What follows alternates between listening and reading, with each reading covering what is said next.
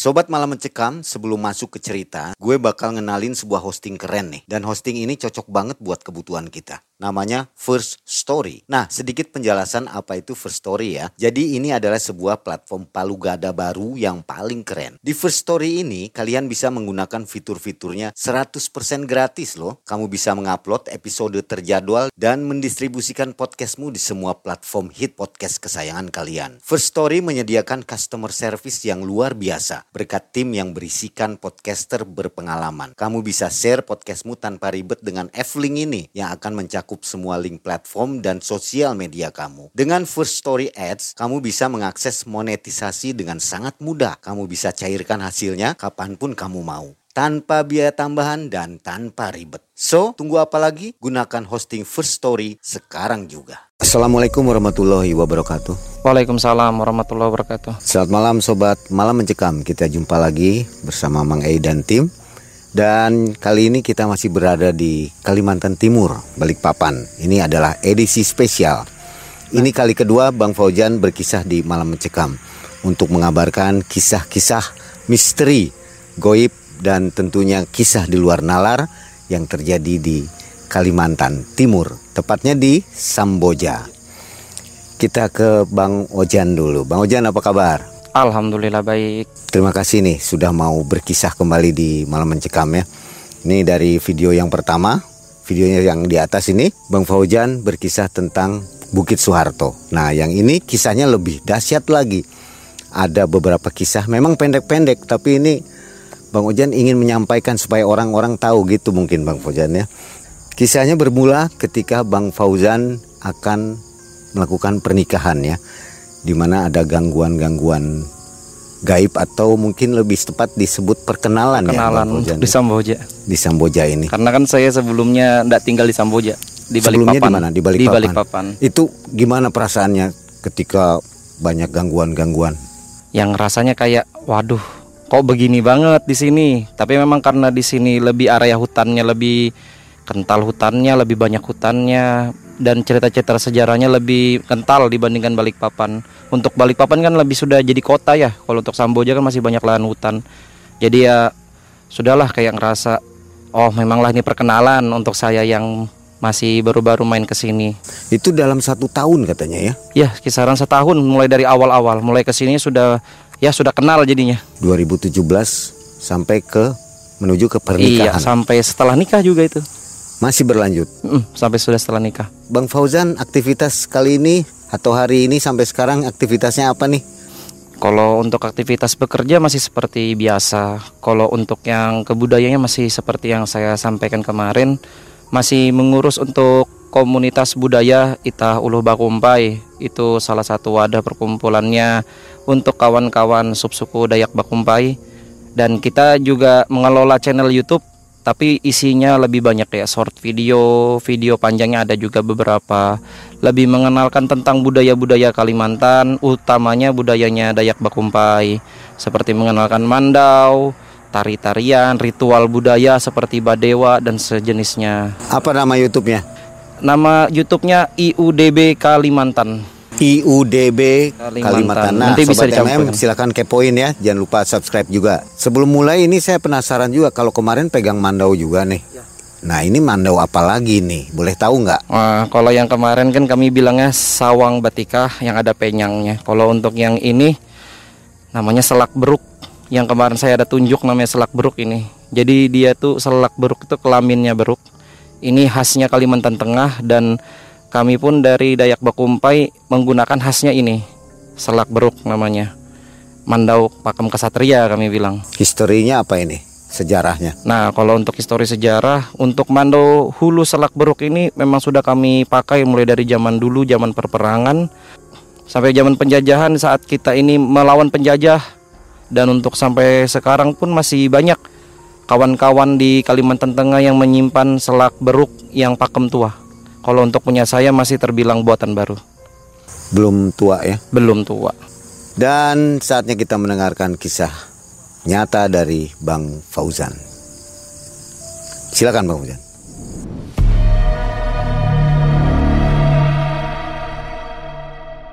Jadi cerita ini berawal di tahun 2017 Itu antara pertengahan 2017 sampai ke akhir 2017 perkiraan saya. Jadi itu di saat itu saya masih belum masih bujangan, masih belum menikah. Jadi itu ceritanya yang awal ini di sini saya ini uh, sama calon istri saya berjalan karena saya tinggal di Balikpapan, dia tinggal di Samboja. Jadi kalau mau jalan-jalan kayak orang pacaran, jadi saya harus jemput dulu ke Samboja, baru bawa ke Balikpapan jalan-jalan. Nah, suatu ketika di malam itu saya pulang, antar pulang, antar pulang calon istri. Setelah sampai di rumahnya, saya arah balik, masih di area Samboja, tidak jauh dari rumah istri saya.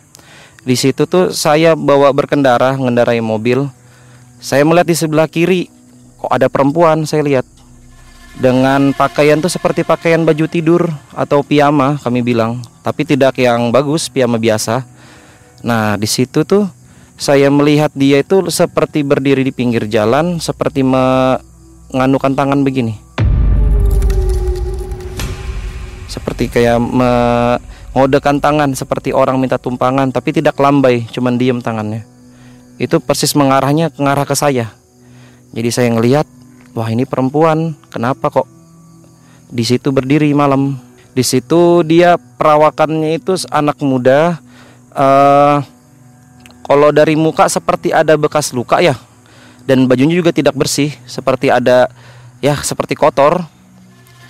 Jadi saya lewat melihat dia, tapi dia itu cuma melihat ke arah mobil saya. Mengarah mobil saya, jadi saya lalui itu dan saya masih melihat di kiri, mengarah ke kiri karena dia di kiri saya. Saya lihat ke kiri, dia masih dengan posisi yang sama menghadap ke yang sama, tidak lagi menghadap ke mobil saya. Jadi di situ saya tetap berjalan jalan saya lihat tuh masih ada di situ. Jadi saya biarkan saja saya jalan lurus saja. Di situ merasa mobil kok hawanya nggak enak di situ mang. Ya padahal saya tutup kaca pakai AC itu mang. Tiba-tiba hawa mobil tuh nggak enak mang. Saya ngerasa ada yang aneh saya lihat spion tengah. Saya lihat spion tengah mobil kaget situ saya mang. Ada perempuan di belakang duduk. Di jok belakang. Di jok belakang tapi tidak di tengah persis di paling belakang. Di situ saya pakai mobil seperti ya Innova. Dia duduk di persisnya di paling belakang di kiri. Saya ngelihat itu, ya saya istighfar kaget. Saya tetap berjalan di situ. Saya biarkan saja itu, Mang. Karena perjalanan dari Samboja ke rumah saya di kilometer 12 itu lumayan jauh, Mang. Jadi saya jalan, saya biarkan saya itu, Mang. Saya tetap baca doa, baca doa di situ. Saya baca doa, saya lihat spion masih ada. Sampai saya sudah muyak di situ saya sudah ngegumam di mulut tuh. Saya marah saya bilangin kalau kamu mau ganggu mending kamu pergi saya bilang. Pergi aja kalau kamu mau ganggu. Tapi kalau mau disampaikan ngomong saya bilang. Tetap masih ada. Sampai tepatnya di daerah kilometer 13 masih ikut sepanjangan jalan saya biarkan saja itu mang. Sampai kilometer 13 itu mang. Saya lihat spion saya bilang dah sudah kalau kamu tetap mau ikut, biar saya bungkus kamu bawa ke rumah. Saya ikut kamu bawa masuk ke dalam rumah aja. Saya bawa pulang biar kamu bisa pulang. Ini antara panik sama muyak juga sudah, Mang. Saya coba berani aja saya bilang. Muyak itu marah. Sebel gitu. Sebel, kayak sebel ya bahasanya ya.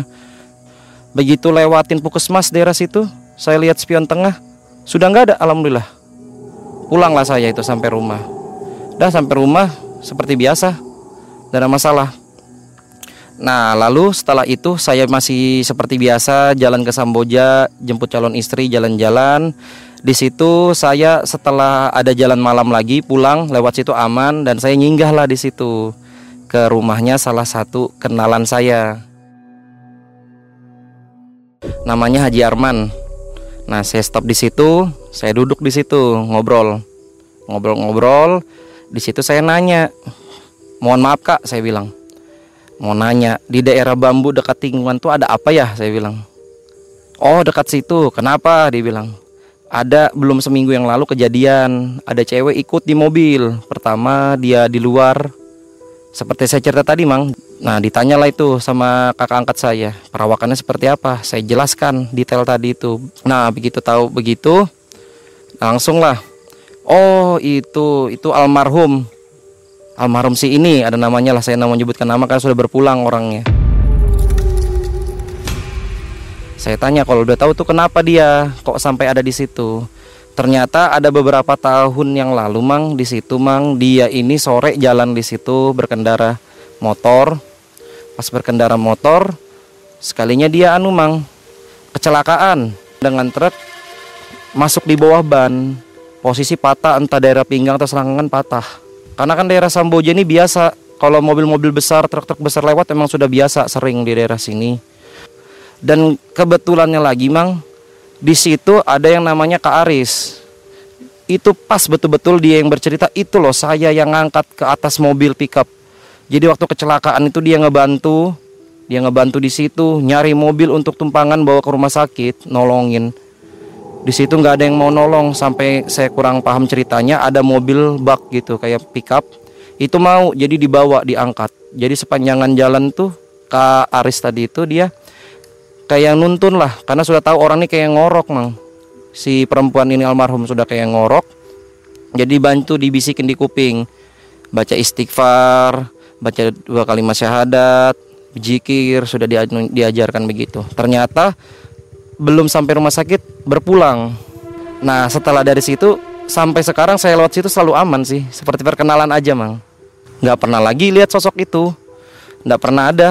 Jadi terpertama dan terakhir saya melihat sosok itu di situ. Cuman kadang kalau saya lewat di situ malam memang masih hawanya masih terasa. Cuman nggak pernah nampakkan wujud lagi sudah di situ mang. Si jin korinnya kami bilang jin korinnya almarhum nggak pernah nampakkan di situ lagi mang. Di TKP kecelakaan lalu mang setelah itu mang saya 2018 saya menikah 2018 awal saya menikah dengan istri saya yang sekarang ini yang tinggal di Samboja jadi mang dulu itu saya kerja di Balikpapan.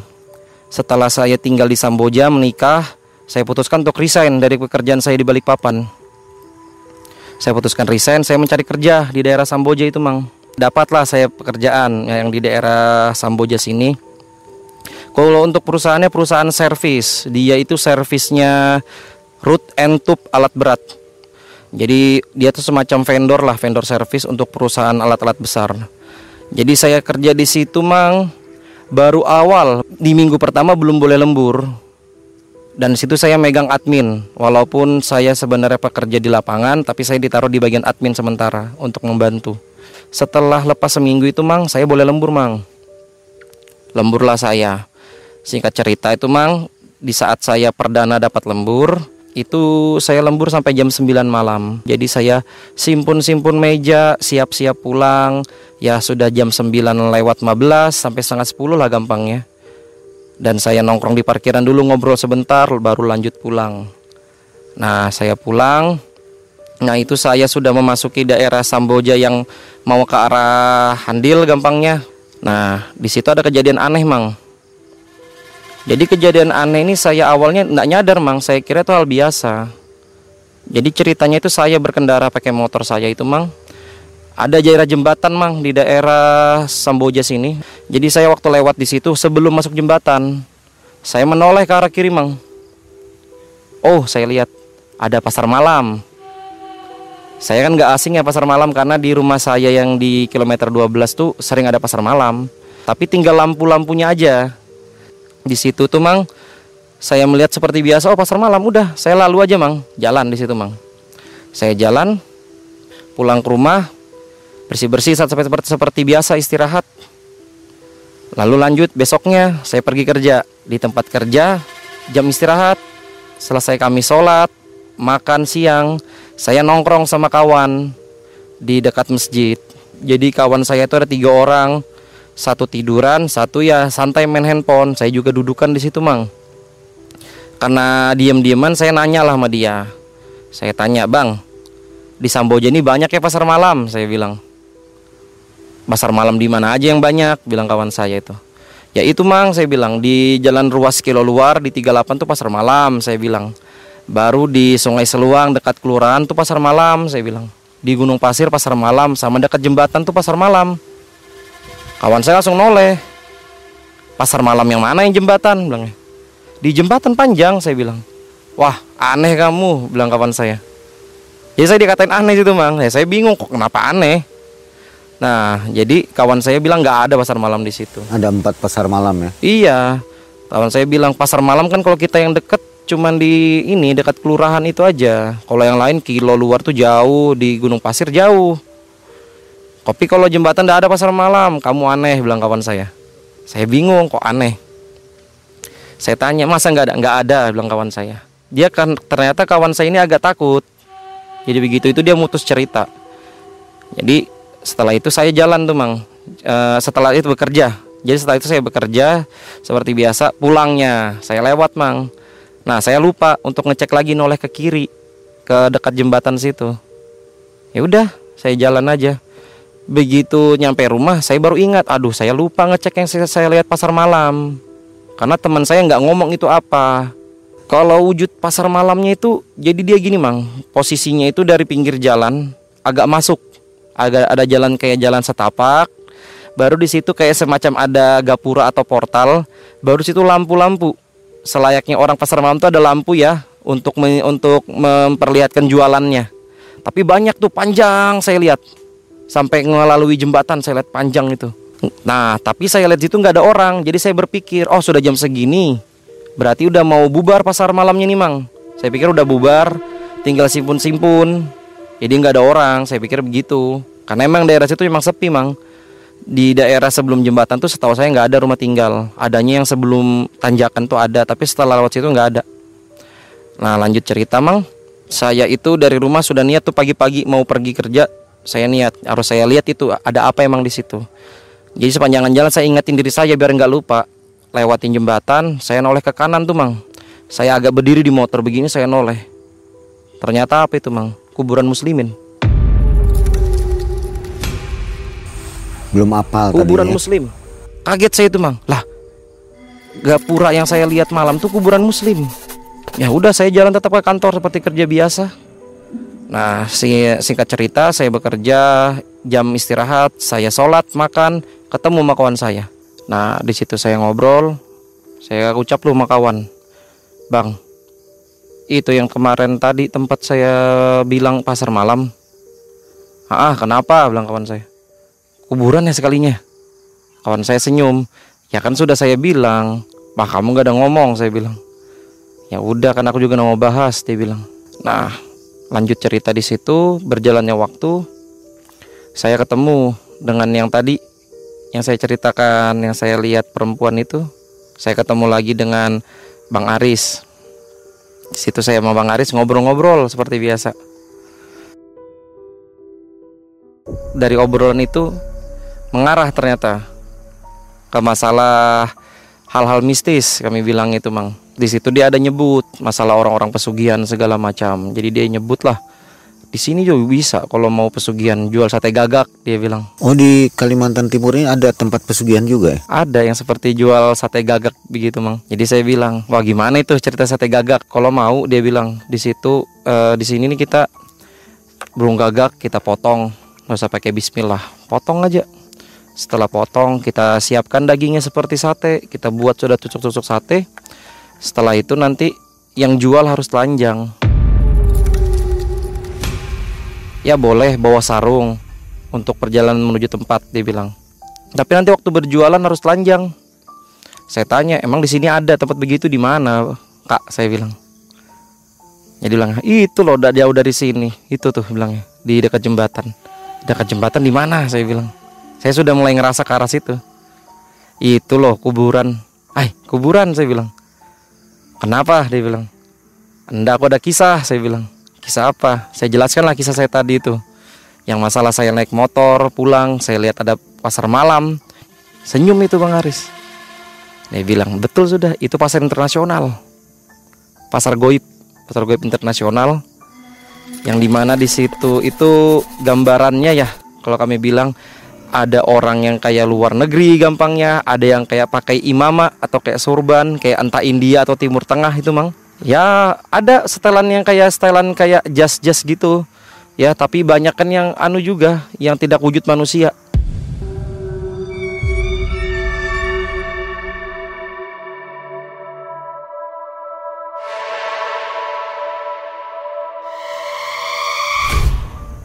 Dan saya bilang dapat dari mana info? Kemarin tuh ada seorang kami bilang anulah alim ulama Jadi dia berkisah daerah sini, daerah sini disebutnya ada yang dibilang daerah situ ada makhluk mitologinya yang makhluk gaib itu tadi. Ada yang di dekat jembatan disebut pasar internasional. Ternyata itu panjang pasarnya itu. Jadi kalau kami itu jalur darat itu sampai berkilo-kilo. Jadi kalau misalkan yang itu tadi orang mau pesugihan jual sate tadi itu kalau mau masuk ke dalam situ berjualan sate kayak biasa tapi kita ndak pakai uang nukarnya atau belinya ndak pakai uang mereka itu. Jadi kita itu disuruh siapkan sate tadi arang tempat pembakaran segala macam dan kita disuruh satu siapkan satu plastik isinya itu janar. Satu plastik itu isinya janar atau kami bilang kunyit. Satu plastik lagi isinya itu garam. Saya bilang jadi tukarnya pakai itu gimana maksudnya? Saya bilang di situ jelaskan jadi uh, kunyit tadi itu sama garam itu sebagai transaksi kita yang dalam artian di saat kita buat sate nanti datang makhluk-makhluk yang beli. Orang sebelah atau orang gaibnya datang dia beli sate kita berapa tusuk. Nanti dia nanya pakai tukar pakai apa? Bahasa mereka gitu. Kita tinggal kasih tadi kunyit atau garam kita tunjukkan. Nanti dia misalkan megangnya kunyit berapa yang diambilnya nanti kasih ke kita itu berubah jadi emas kalau dia ambil garam itu bisa jadi kayak intan, berlian, semacam permata begitu, Mang. Batu-batuan ya. Ya. Nah, kalau di situ saya tanya, nah itu ada resikonya ndak saya bilang karena saya pernah dengar kisah kalau orang jual sate gagak begitu di saat dia selesai jualan dia pulang begitu aja nggak izin-izin bisa diikutin ternyata benar jadi selesai jualan sate habis misalkan sudah habis jualannya tinggal ngucap uh, saya sudah habis jualannya. Nanti saya kembali lagi tapi tidak saya tentukan. Kalian kalau mau beli lagi tunggu aja di sini. Jangan ikutin saya nanti saya ke sini lagi. Tapi saya tidak janji kapan. Udah tinggal. Kalau kita tidak ngomong begitu nanti besok besok mereka pingin bisa mereka datang ke rumah kita. Ngetok rumah kita. Ya karena pingin itu tadi. Untuk tempat pesugihan itu sudah banyak ada yang coba ada yang berhasil atau bagaimana? Ada infonya kalau untuk info saya tanya itu mang. Ada nggak yang sudah berani nyoba di situ? Banyak yang pingin begitu sudah mempersiapan urungkan niatnya langsung. Kenapa itu?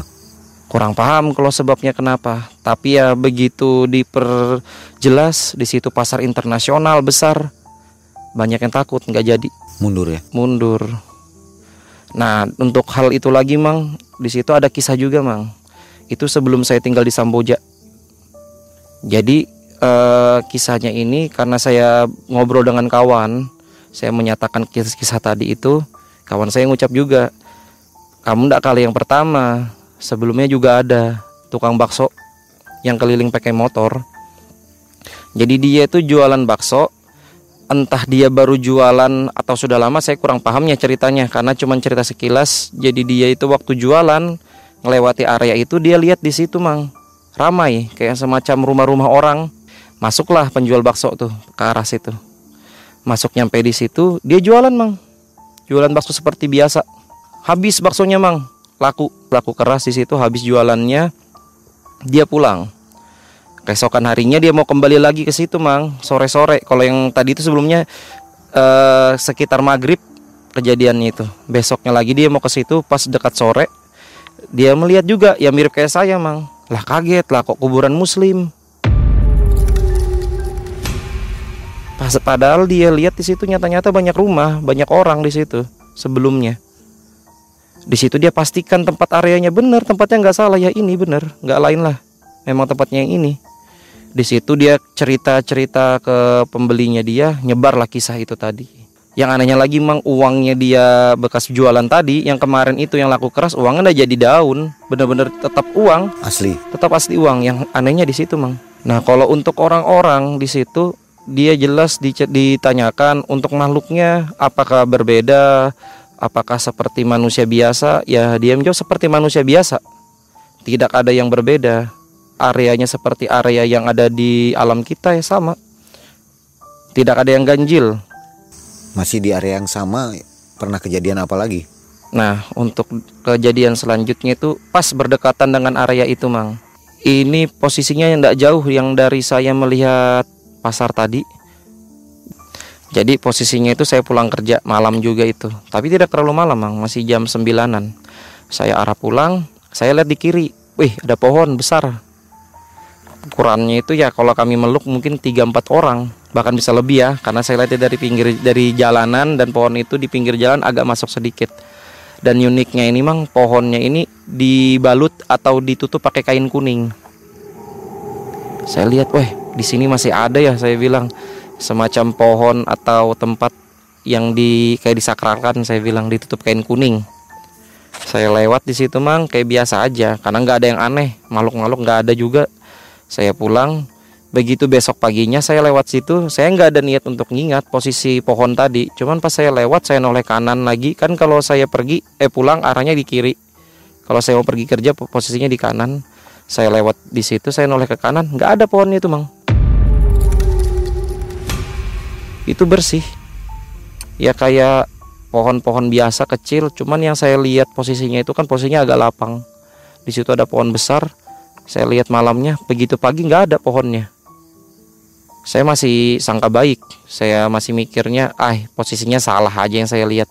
Karena kan saya juga baru-baru tinggal di Samboja sini jadi belum terlalu hafal areanya mang. Lanjut kisah itu mang. Berapa hari setelah itu saya ngobrol sama kawan saya juga Bang Aris.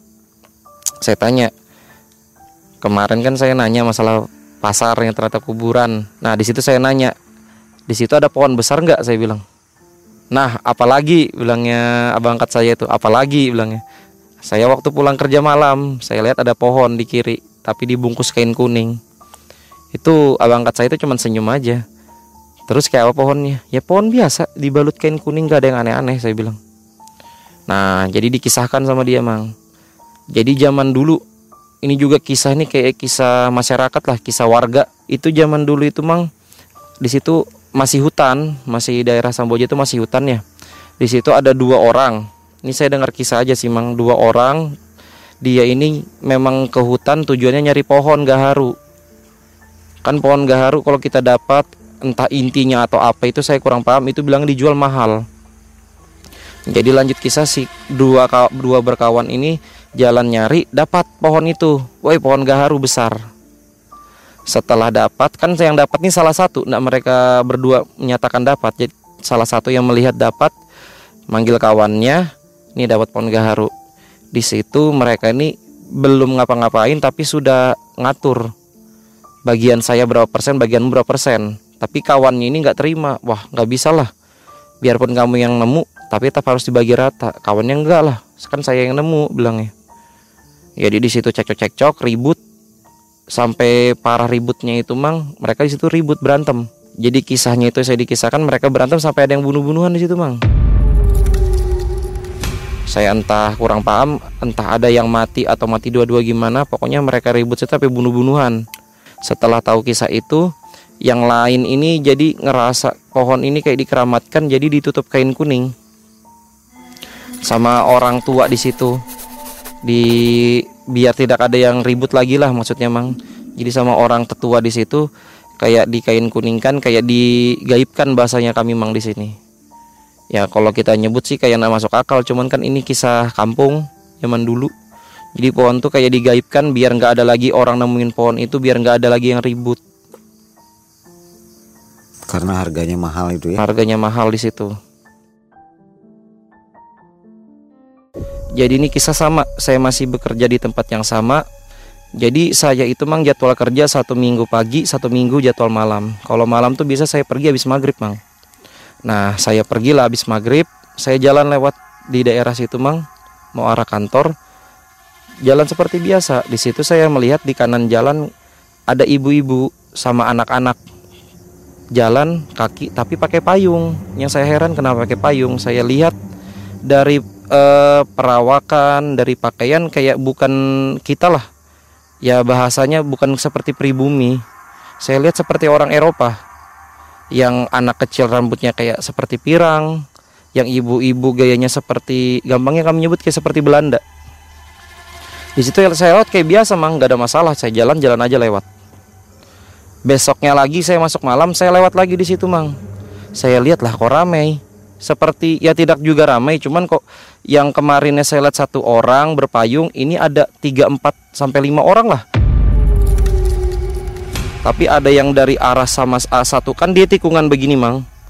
Ada yang arahnya ke sini ada yang dari sana ke sini. Ngarahnya ke sudut tikungan itu mang. Ada apa ya ini? Pas saya lewat itu saya pelan mang. Saya melihat ke arah sudut. Oh ada kolam berenang saya lihat mang semacam kayak tempat pemandian tapi bentukannya seperti kolam berenang kolam berenang umum. Saya lihat dari situ sebelumnya saya lihat oh kok nggak pernah perhatikannya ada kolam berenang saya bilang. Saya lihat biasanya rumah-rumah orang aja. Lah kok ada kolam berenang saya bilang di situ. Ya saya lalu aja mang. Lewat. Besok besoknya lagi tuh mang. Saya uh, saya anggap biasa lah mang. Di situ uh, saya tanya sama kawan uh, bang mau nanya saya bilang di daerah dekat tikungan situ ada apa ya? Kok saya pernah lihat orang ramai pakai payung ya potongannya seperti orang-orang Belanda saya bilang. Dan saya lihat kok ada kolam berenang di situ ya seperti tempat pemandian. Teman saya bingung. Yang di mana? Di tikungan itu saya uh, pastikan tempatnya yang detail nggak ada dia bilang. Masa nggak ada? Saya bilang. Iya nggak ada. Coba sini diajakin kawan Nah, lihat itu. Lah. Itu saya lihat tapi agak dalam, Mang. Kalau waktu saya lewat pakai motor, di situ saya lihatnya itu agak dekat. Tapi begitu saya yang sama kawan dikasih lihat, saya lihat itu ya kayak agak masuk, jalannya lumayan lumayan agak masuk lah beberapa meter. Nah, di situ saya lihat memang ada semacam pemandian tapi sudah kumuh. Ya bisa saya bilang itu peninggalan zaman Belanda gampangnya emang di situ kayak kolam berenang baru ada kayak pelosotannya gini yang kayak dari tehel gitu mang. Baru ada kolam lagi. Tapi yang saya lihat di situ sudah kumuh berlumut sudah tidak terawat. Nah saya ceritakan yang tadi itu. Saya lihat begitu kawan saya ketawa. Yang di situ hal ganjil lagi mang. Saya bilang yang kemarin pasar ini saya lihat kolam berenang. Sama mundur kisah lagi mang. Ini setelah saya nikah baru dua hari mang di tahun yang sama 2018 uh, kita mundur lah ceritanya mang. Jadi saya itu mang nikah setelah acara nikah malamnya saya tidur di rumah neneknya istri saya. Nah setelah itu besoknya saya tidur di rumah mertua saya. Di situ saya tidur mang. Itu posisi saya habis resign kerjaan mang. Saya duduk nyantai itu duduk nyantai di ruang tamu sambil main handphone. Saya ngelihat jam jam tuh di dinding persis ngadep saya kelihatan tuh mang. Itu jam 2 malam saya mendengar itu mang. Ada suara langkah kaki orang jalan, tapi banyak, ramai seperti orang gerak jalan.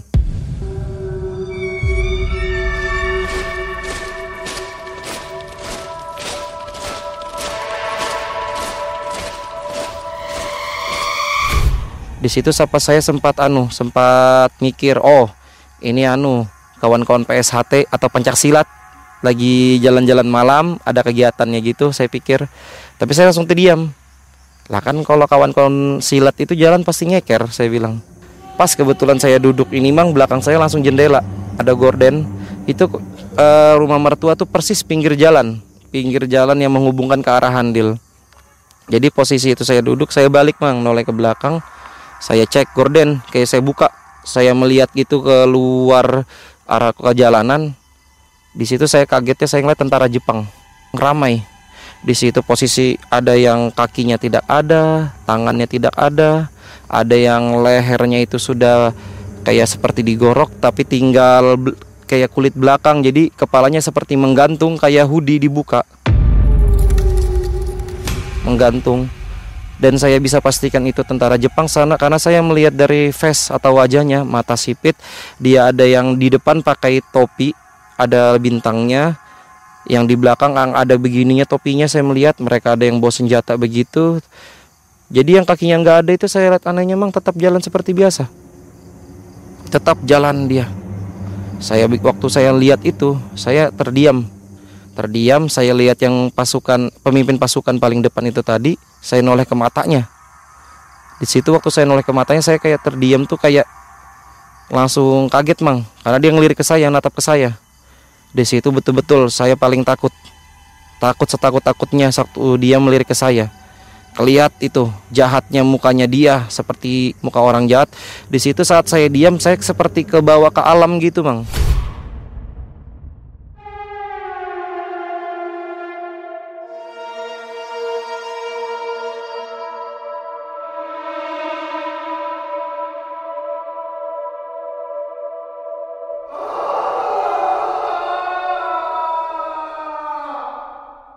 Di situ saya lihat kayak orang disiksa, orang-orang yang kurus-kurus kayak tinggal kelihatan tulang rusuknya.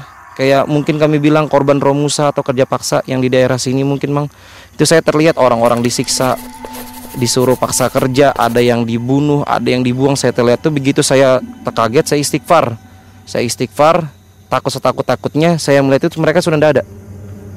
Cuman jalan gitu saya lihat langsung hilang. Waktu saya tersadar saya istighfar. Jadi memang setelah saya ngeliat itu saya kaget.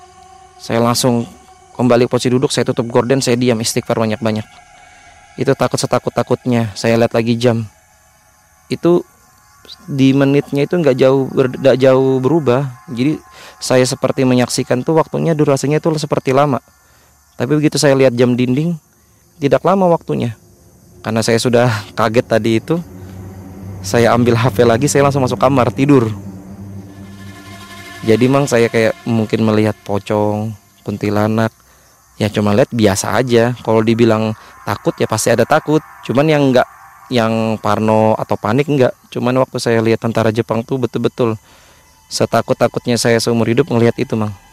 Mukanya itu kejam saya lihat. Seperti orang jahat orang kejam. Jadi saya kayak ngerasakan lah. Nah lanjut cerita mang. Jadi mang begitu saya ngobrol dengan kawan-kawan di Samboja itu Saya ceritakan. Kawan saya itu ya Pastilah kalau kita mendengar kisah-kisah begitu antara percaya dan tidak. Jadi kawan saya nanya, dari arah mana ke mana? Saya bilang dari arah kanan ke kiri. Oh memang bilang kawan saya. Kan di situ ke arahnya bangker Belanda. Ya memang setelah pendudukan Jepang itu ya setelah pendudukannya Belanda, setelah penyerangan Belanda kan berganti ke Jepang, di situ memang di sini sempat Jepang ikut di sini. Karena ada kawan-kawan yang dapat bangker Belanda, atau masuk hutan tuh sering nemu-nemu kayak peninggalan sejarah kayak rel kereta api, amunisi, senjata-senjata di dalam bunker. Kalau bicara soal bunker tadi, mang di situ ada kawan saya. Dia juga ada kisah tentang bunker. Jadi posisinya itu dia maghrib, maghrib maghrib mau berburu. Kenapa jamnya ngambil maghrib? Karena di saat maghrib itu kan banyak burung yang bertengger mau tidur sudah, mau untuk istirahat. Jadi dia tuh berdua dia masuk ke area bunker itu kawan saya masih di arah kanan diam sebentar kawannya sudah ke kiri. Tahu-tahu kawannya itu lari. Lari ketakutan ditanya kawan saya kenapa? Itu aku dikejar. Dikejar sama apa? Sama makhluk warnanya merah. Kawan saya mana sih? Didatangi kawan saya? Nggak ada sudah. Sama ada kisah juga mang kalau soal peninggalan gitu di daerah Bukit Suarto kami nyebutnya itu mang. Di kiri jalan kalau dari arah sini. Itu kawan saya pernah juga berburu. Berburu dia itu uh, masuk ke area hutan jarak-jarak 300 meter. Pas dia jalan ke sana dalam situ dilihatnya itu kayak ada rumah tua. Di situ ada kayak sepeda tua senjata-senjata barang-barang tua lainnya. Di situ ada itu peninggalan-peninggalannya itu mang. Nah ada kisah juga mang ini masih seputaran Samboja juga. Jadi posisinya ini mang saya bekerja di tol. Jadi saya itu saya ngobrol dengan kawan seperti biasa. Saya masuk siang ngobrol-ngobrol-ngobrol di situ ada kawan saya satu orang namanya Rijal. Jadi dia ngobrol Jan minta tolong. Kenapa? saya bilang. Ini Jan iparku kan hamil dia bilang. Nah kenapa? ulang semalam itu ada yang terbang di atas rumah. Terbang-terbang di atas rumah tapi kami yang di dalam rumah tidak nyadar. Yang nyadar tuh tetangga belakang rumah. Teriak. Jadi yang di rumah ini karena ada yang teriak keluaran lah dari rumah. Kenapa? Itu ada kuyang di atas rumahmu. Nah di situ emang yang hamil bilangnya perutnya agak sakit. Tapi pas mereka keluar ngeliatin ke atas sudah nggak ada kuyang itu. Nah jadi besoknya itu ketemu saya dia yang ngobrol tadi itu. Saya bilang terus gimana? Ya minta tolong apa ya kira-kira di sini nih syarat atau penangkal untuk kuyang saya diam mikir dulu oh iya ada. Saya ambilkan yang ada di mandau saya yang kemarin itu saya ambilkan duri landak. Duri landak atau bulunya landak yang duri itu saya cabutkan. Ini nah ini dapatnya ndak asal dapat atau beli saya bilang. Bawa aja saya bilang. Dia kawan nanya ini diapakan? Dia bilang. Simpan aja. Kalau ada kain kuning bungkus kain kuning kasih suruh pegang si ibu hamil. Ibu yang hamil suruh simpan atau megang. Oh ya udah dia bilang tapi saya pesanin nanti kalau sudah dia lahiran sudah lewat masa nipas kembalikan itu durinya saya bilang. Oh ya siap bilang. Jadi uh, lanjut kisah saya nggak ada lagi lah ngobrol setelah itu biasa aja. Besok besoknya ada seminggu dua minggu setelah itu kawan saya cerita di situ. Ngobrolin soal tadi. Wah rame semalam dia bilang. Kenapa? Saya bilang rame apa? Kuyangnya muncul lagi dia bilang eh terus gimana kisah? Saya bilang. Nah di situ dia berkisah. Jadi anu tuh semalam dia bilang muncul lagi kuyangnya. Nah kalau yang semalam itu dia tuh ngomong antara jam-jam 10-an lah. Sudah agak lewat malam. Nah kalau yang kemarin nih dia bilang habis maghrib. Bener-bener habis maghrib. Jadi di situ waktu habis maghrib itu dia ceritakan ini mang. Uh, Tetangga yang belakang rumah juga ini. Tetangga belakang rumah teriak lagi ada kuyang dibilangnya Jadi yang ini keluaran Keluaran bilang mana? Ke situ ditunjuk ke arah pohon. Itu kayak pohon bambu pohon pisang begitu. Jadi ke arah ke situ dicari sama mereka. Dicari sama mereka mana kuyangnya? Tadi ke arah pohon itu dikasih lihat. Ya cuman namanya kita kadang manusia ini kan ada yang bisa melihat ada yang enggak ya. Cuman kan hampir semua manusia bisa ngerasa wah di sini auranya lain di sini lain jadi begitu yang kawan saya Rizal tadi ini berdiri dekat pohon itu dia ngerasakan emang auranya lain mang.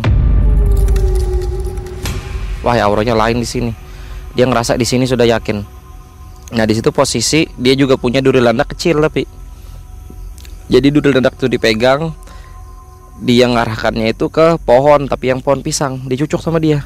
Baca doa Bismillah lah apa? Saya nggak ngerti cucuk. Cucuk di situ tancap dibiarkannya ngomong ini itu kena itu sakit itu dia dia bilang. Cuman ya karena dia menyaksikan sendiri yang lain ya nggak paham lah. Tapi dia ngomong lagi di sini dua dua gimana maksudnya? Yang satunya ini yang tadi terbang satunya ini entah makhluk apa mirip seperti itu. Ya bisa kami bilang mungkin yang yang tadi terbang itu yang wujud manusia bisa berubah kalau yang satunya mungkin makhluk gaib juga Nah di situ bule itu tadi atau bude tadi itu dia entah ngapain kayak megang-megang daerah situ. Tahu-tahu tangannya itu nggak kena nggak kena kayu, nggak kena dan atau apa tiba-tiba kayak kaget gitu berdarah tangannya. Berdarah kawan saya ngeliat tuh bener emang tangannya itu kayak luka darahnya deras. Jadi saya tanya ah cuman luka biasa atau kena dahan pohon atau kena kayu lah saya bilang enggak bang kawan saya emang lukanya itu luka kayak digigit kayak luka digigit dan itu darahnya netes. Lumayan deras darahnya di situ netes. Wah saya bilang ngeri juga kalau sampai nyerang manusia. Wujudnya seperti apa itu? Kalau wujud kawan saya nggak melihat. Jujur aja dia nggak ngelihat. Cuman yang ibu tadi yang belakang rumah itu yang teriak-teriak itu yang bilangnya melihat wujudnya. Dan untuk ibunya ada masih tinggal daerah sini. Mungkin nanti kalau dari tim MM mau undang jadi narasumber mungkin bisa lah nanti kami anu uh, coba ajak beliau untuk bercerita. Jadi lanjut kisah di situ tadi, kawan saya juga ceritakan itu yang kemarin bilangnya dia nih, yang kemarin waktu sudah mi minjem duri landak itu tadi, di situ dia kan posisi rumah ini dekatan ada kandang kambing, dia punya kandang kambing, ada kambing dewasa, kambing anakan. Di situ waktu kuyang itu terbang-terbang lagi di atas rumah, kuyang itu ngantam anak kambing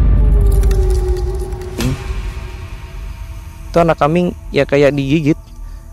Dan ini memang kejadiannya ini gangguannya ini enggak satu dua kali. Kejadiannya itu ada 3 sampai empat kali dan itu kejadiannya setiap hari Minggu malamnya gampangnya malam Senin. Dan memang di setiap Minggu malam Senin kalau ada yang seperti itu sebelum si ibu belakang rumah itu teriak pasti itu hewan-hewan ternak yang kayak kambing tadi yang di dekat rumah dikandangin itu pasti kayak gelisah teriak-teriak dan yang sampai kejadian tadi itu anak kambingnya digigit. Cuman saya kurang paham posisi gigit entah leher atau kaki cuman saya tidak nanya di situ. Nah dan juga ini mang kalau kami di sini ya uh, entah di seluruh Kalimantan atau di sini aja gitu mang.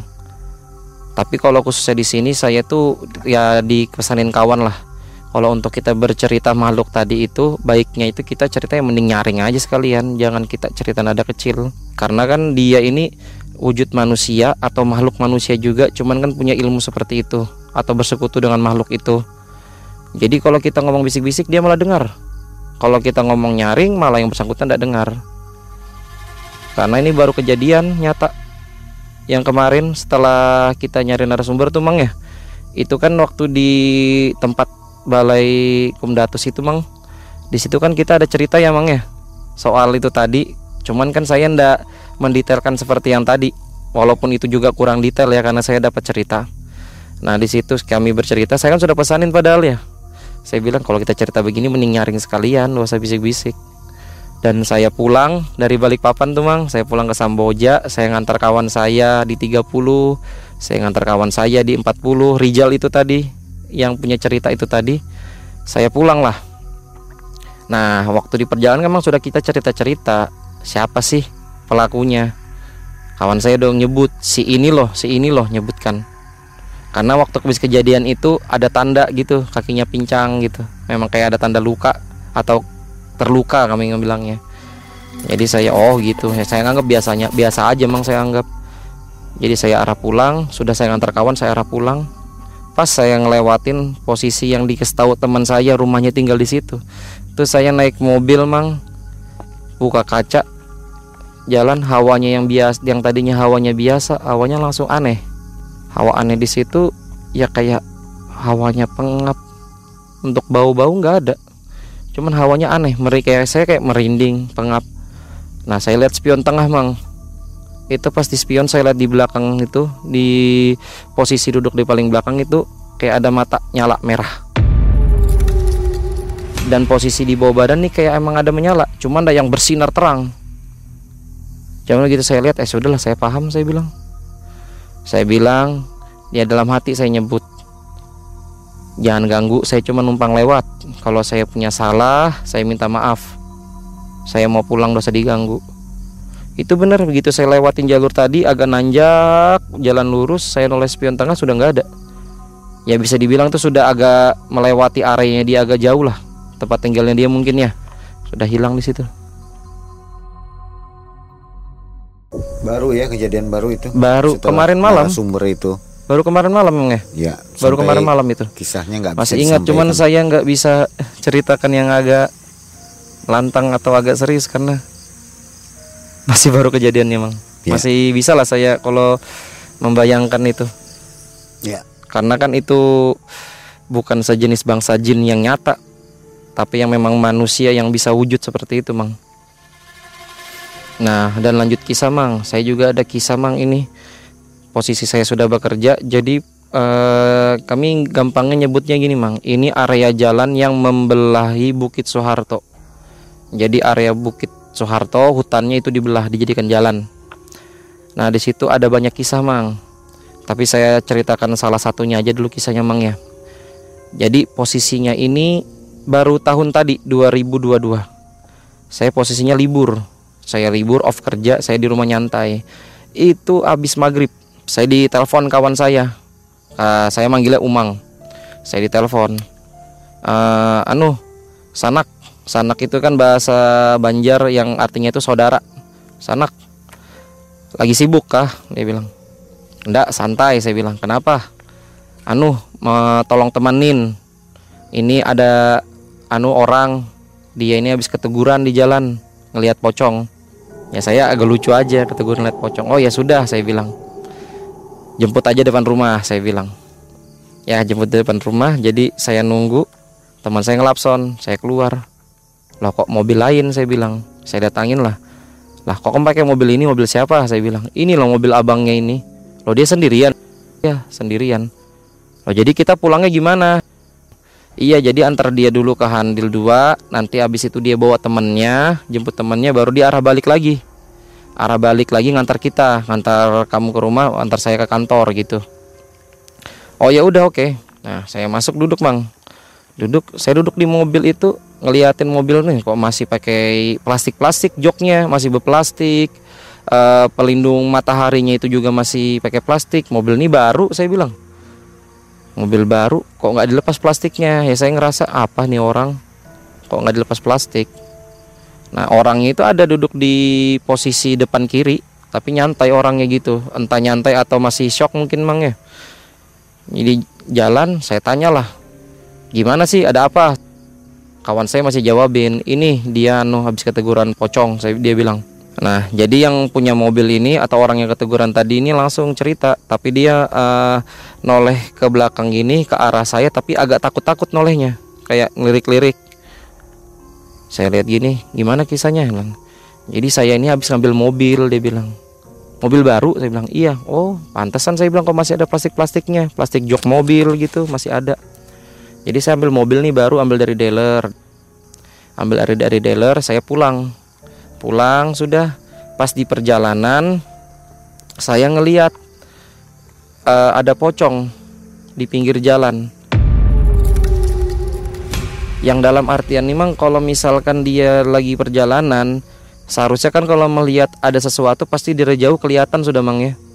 Ini enggak dia ini jalan itu tiba-tiba kayak muncul gitu berwujud langsung jadi pocong di situ ngeliat dia biasa aja pertama Nah, tapi dia dalam hati nyeletuk. Dia nyeletuk di situ. Setan kok bajunya bersih. Habis di laundry kah? Dia negur begitu. Lewat. Dilewatin aja tuh pocong. Cuman saya tanyain, waktu dilihat itu ada merhatikan detail enggak saya bilang. Nggak ada, cuman kelihatan kayak orang dipocong gitu, warna putih bersih tapi nggak kelihatan bentuk muka. Nah, lalu gimana? Saya bilang? ya bisa saya jalan lewatin jembatan. Lewatin jembatan masih belum ada apa-apa. Setelah lewatin jembatan jembatan daerah luar mang ya bukan daerah Samboja ini tiba-tiba mobil berat. Mobil berat di situ dia masih kayak ah nggak apa-apa kalau kamu mau ngikut. Di situ dia masih santai aja mang walaupun mobil rasa berat itu mang jadi dia walaupun baru beli mobil mobil baru ambil di dealer tapi dia punya flash disk yang isinya lagu-lagu. Dia dari perjalanan awal sudah nyolok flash itu ke tip itu mang. Nyetel lagu dia dengar lagu.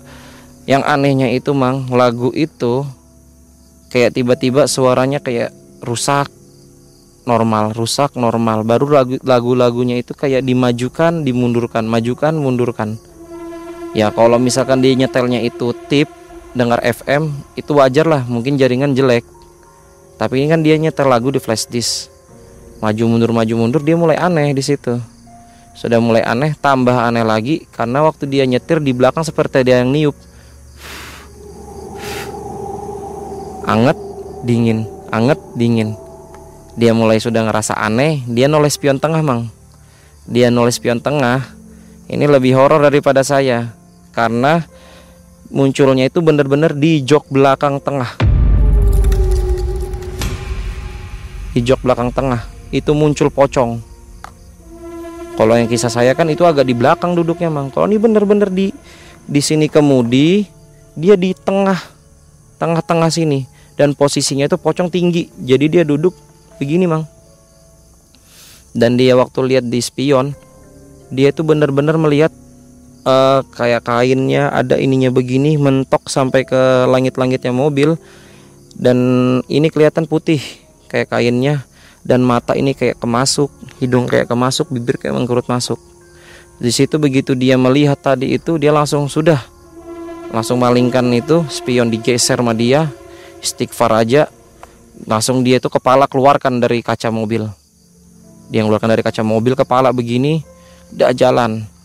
Dia nyelip lah mobil, mobil Innova warna putih, diselipnya mobil itu. Dia nyelip mobil itu tadi, mobil yang tadinya itu pelan begitu dia selip langsung ngasih nambah kecepatan. Nambah kecepatan ngedekat ke belakangnya dia dan ngasih dim. Ngasih dimnya bukan kayak ngetek-ngetek tapi kayak lampu jauh lampu dekat lampu jauh lampu dekat. Di situ dia sudah yakin berarti mobil di belakang ngelihat juga ada sesuatu aneh di jok tengah saya. Karena ini posisi mobil baru belum ada ribbon tebal ya mang di kaca belakangnya. Kaca film ya?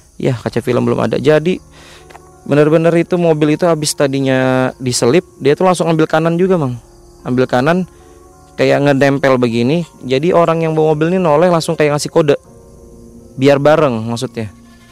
Biar bareng tuh bener dia tuh lurus bareng.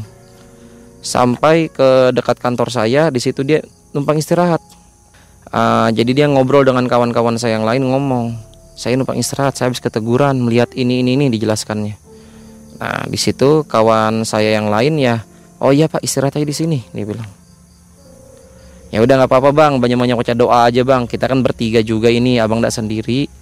Nanti kita antar pulang. Antar pulang jemput kawannya.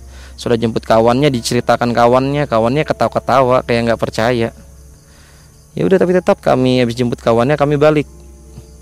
Nurunkan saya di depan rumah saya pulang ke rumah kawan saya diantar ke kantor setelah ke kantor. Dan yang punya mobil lanjut lagi pulang ke rumah. Setelah itu tidak tahu lagi kami lost contact karena kami nggak saling tukar nomor handphone. Sama juga ada ini mang. Kisah baru kejadian itu posisinya tanggal 1 masih di Samboja masih di Samboja mang ini yang area saya bilang tadi jalan yang membelah hutan Bukit Soeharto itu kisahnya itu sampai di Facebook rame itu mang dan ternyata pel, uh, orang yang pelakunya ini berkawan dengan kawan saya yang kerja juga satu kerjaan dengan saya. Jadi kisahnya ini dia ini tanggal satu malam arah pulang dari Balikpapan menuju Samarinda. Di situ dia ngelihat orang di pinggir jalan tapi muka rusak. Ya masih kayak gitu dibiarkannya aja lurus. Yang anehnya lagi setelah itu dia jalan tuh dia ngeliat di posisi pinggir jalan tuh seperti kampung, Mang. Ramai orang kampung. Ramai ada orang di situ ramai. Tapi dia tetap jalan aja dan alhamdulillah selamat. Tidak ada hambatan selamat sampai tujuan tidak ada hambatan. Nah kalau yang tadi yang saya kisahkan kumpulan kisah ini kan memang uh, arahnya ke arah mistis atau ke arah halal goib ya memangnya nah tapi di sini saya ada kasus satu kisah yang kami bilang tuh khasnya Kalimantan lah mungkin orang-orang dari Pulau Seberang atau Pulau Jawa mungkin pernah dengar kisah ini dan ini kisah kejadian nyata dari kawan saya langsung menceritakan ke saya. Jadi dia ini uh, sebelum satu kerjaan dengan saya dia, dia kerja ekspedisi. Di situ dia ini uh, posisinya ini kerjanya di Kalimantan Utara. Kami kan tinggal di Kalimantan Timur, dia posisi kerja ekspedisi ini di Kalimantan Utara. Jadi singkat cerita dia itu kenal dengan perempuan di sana, entah gimana cerita ceritanya itu, saya cerita singkatnya aja dia bermain dengan perempuan di sana, perempuan asli orang Kalimantan. Nah, di situ entah ada salah ngomong atau ada ingkar janji ya kami bilang. Di situ setelah dia kembali ke mes itu kelaminnya hilang. Ya mungkin kawan-kawan pernah tahu lah jangan main-main sama perempuan Kalimantan. Nanti kelaminmu bisa hilang. Atau kayak jangan main-main sama orang Kalimantan nanti kepalamu bisa lembek begitu. Ya sebenarnya itu kan tidak semua orang Kalimantan seperti itu. Ya mungkin ada beberapa sub suku yang memang kadang iseng atau jahil lah. Yang kadang ada pendatang ke sini ditanya banyak kah bawa sangu. Nah itu kalau dia jawabnya banyak, wah itu bahaya bisa dites. Karena sangu yang dimaksud ini bukan uang, bukan makanan, bukan perbekalan. Maksudnya sangu itu ilmu. Maksudnya di situ ilmu sangu itu tadi. Jadi kalau kita jawab banyak sanggup, kita bisa dites orang di situ. Ya entah dites seperti apa, diganggu atau mungkin kita bisa ya dibikin kepala lembek atau gimana. Nah yang kalau kejadian dengan kawan saya ini betul-betul kelaminnya hilang. Jadi dia melihat kelaminnya hilang dan kawan yang lain juga benar-benar lihat kelaminnya hilang. Singkat cerita, dia ini datangin mendatangi orang atau salah satu tokoh lah orang yang dipandang di kampung itu. Minta tolong. Ini kawan saya kelaminnya hilang. Minta tolong gimana caranya. Jadi di situ dibantulah untuk mengembalikan itu tadi. Ya tapi memang di situ posisi tidak bertemu ya dengan perempuan itu tadi. Cuman dari perwakilan orang yang dipandang di kampung tadi dia yang membantu untuk mediumisasi jadi singkat cerita alhamdulillah kembali kelamin kawan saya. Akhirnya menikah dengan si cewek itu? Enggak akhirnya dia kembali. Selesai pekerjaan itu dia berhenti kerja itu bekerja satu kerjaan dengan saya itu tadi dan alhamdulillah sudah menikah. Dengan orang lain? Dengan orang lain. Ini saya mau tanya kenapa selama satu tahun itu kok Bang Fauzan dihantui terusnya maksudnya dimunculkan sosok-sosok yang nggak wajar gitu di luar nalar kejadian-kejadian di luar nalar kenapa nih ada penyebabnya nah kalau menurut kami di sini ya itu seperti perkenalan. Ya walaupun saya juga asli putra Kalimantan, tapi kan saya mendatangi daerah baru yang bukan daerah saya baru menjumpai daerah itu ya di situ kan pasti tiap daerah pasti adalah penunggunya atau makhluk-makhluk yang tinggal berdampingan dengan kita. Nah, di situ kalau dari kawan saya bilang, "Oh, mungkin dari kamu ada bawaan atau apa yang waktu kamu lewat di situ jadinya dia ini kayak negur atau ngontak atau ngajak kenalan." Tapi memang benar, Mang. Setelah satu tahun itu yang daerah macam-macam sepanjangan itu yang saya temuin macam-macam itu setelah saya berjalan ke sininya mulai ke sininya setahunan lebih sudah nggak ada lagi gangguan seperti biasa saya lewat yang saya lihat ada perempuan ibu-ibu dan anak-anak berpayung. Saya lewat sampai sekarang nggak ada apa-apa. Saya lewat yang jembatan itu tadi sudah nggak ada. Saya lihat tetap tetap mang saya lewat yang dekat jembatan itu pasti saya noleh. Sampai sekarang masih tulisannya kuburan muslim. Normal ya? Normal saya lewat yang daerah hutan saya lihat ada pohon gaharu. Saya lihat nggak ada bersih. Itu juga mungkin ya karena daerah kami ini sudah mulai ramai ya sudah semenjak diresmikan jadi IKN calon IKN mulai makin ramai. Daerah-daerahnya yang tadi hutan mulai ada yang bangun rumah. Yang daerahnya tadi itu banyak pohonan mulai dibersihkan. Kira-kira ada pesan khusus nggak untuk para pendatang? Karena ini kan tanahnya terus terang masih dianggap keramat lah ya, ya kental lah. Kental mistis dan goibnya. Gimana menurut Bang Fauzan? Ya kalau pesan dari saya sih untuk nanti kawan-kawan yang dari luar kota Jika nanti setelah ini jadi IKN Banyak yang pindah ke sini Bertempat tinggal di sini. Pesan saya ya tetap ya bahasanya itu di mana bumi dipijak di situ langit dijunjung. Kami punya adab Kami lahir beradab Kami hidup beradab. Jadi adab yang ada di atap adab atau budaya yang ada di bumi kita ini bumi Kalimantan tolong dijaga. Seperti kita menghargai tuan rumah, pantangan-pantangan yang ada di sini jangan dilanggar. Ya karena kan di sini ada kental yang namanya pemali, ada yang namanya kepuhunan. Jadi janganlah kalau misalkan nanti di sini jadi IKN ramai, sudah jadi kota-kota, terus menganggap ah kayak gitu tahayul. Ya jangan, karena kan kita hidup berdampingan dengan makhluk alam sebelah atau alam gaib. Jadi kita saling ngejaga aja. Dan untuk kisah-kisah yang tadi bukanlah untuk maksud menjelekan Samboja atau melabeli di sini area Samboja ini mistis, seram atau angker, bukan. Saya hanya berbagi kisah-kisah saya yang ternyata saya alami ini benar-benar memang ada cerita sejarahnya. Memang benar-benar ada banyak saksinya yang mengetahui itu. Jadi klop di situ. Ya, jadi janganlah karena hal-hal seperti ini jadi kita nih takut atau iman kita jadi drop turun Ya karena adanya hal-hal seperti ini kan untuk menambah wawasan kami, nambah-nambah cerita di situ. Ya Dan memang hal keimanan mungkin. Ya, menambah keimanan kami. Jadi janganlah kayak gitu, ah di sini angker apa. Ya memang kalau untuk yang saya alami kan cuma untuk pengalaman, pengalaman saya perkenalan waktu awal tinggal di sini. Ya. Sobat MM itulah kisah yang baik sekali dari Bang Fauzan. Jadi jangan sampai takut ke Samboja. Kisah-kisah ini adalah pengalaman pribadi dan kisah nyata dari Bang Ojan supaya menambah keimanan kepada kita semua.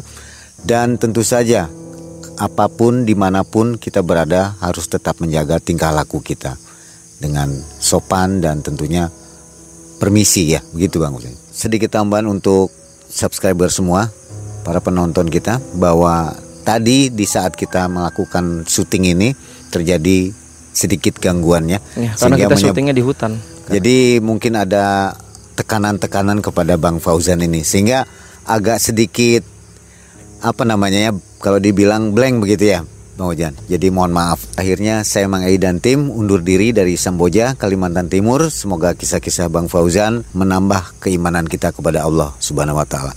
Mang Ei dan tim Bang Fauzan undur diri. Assalamualaikum warahmatullahi wabarakatuh. Waalaikumsalam warahmatullahi wabarakatuh.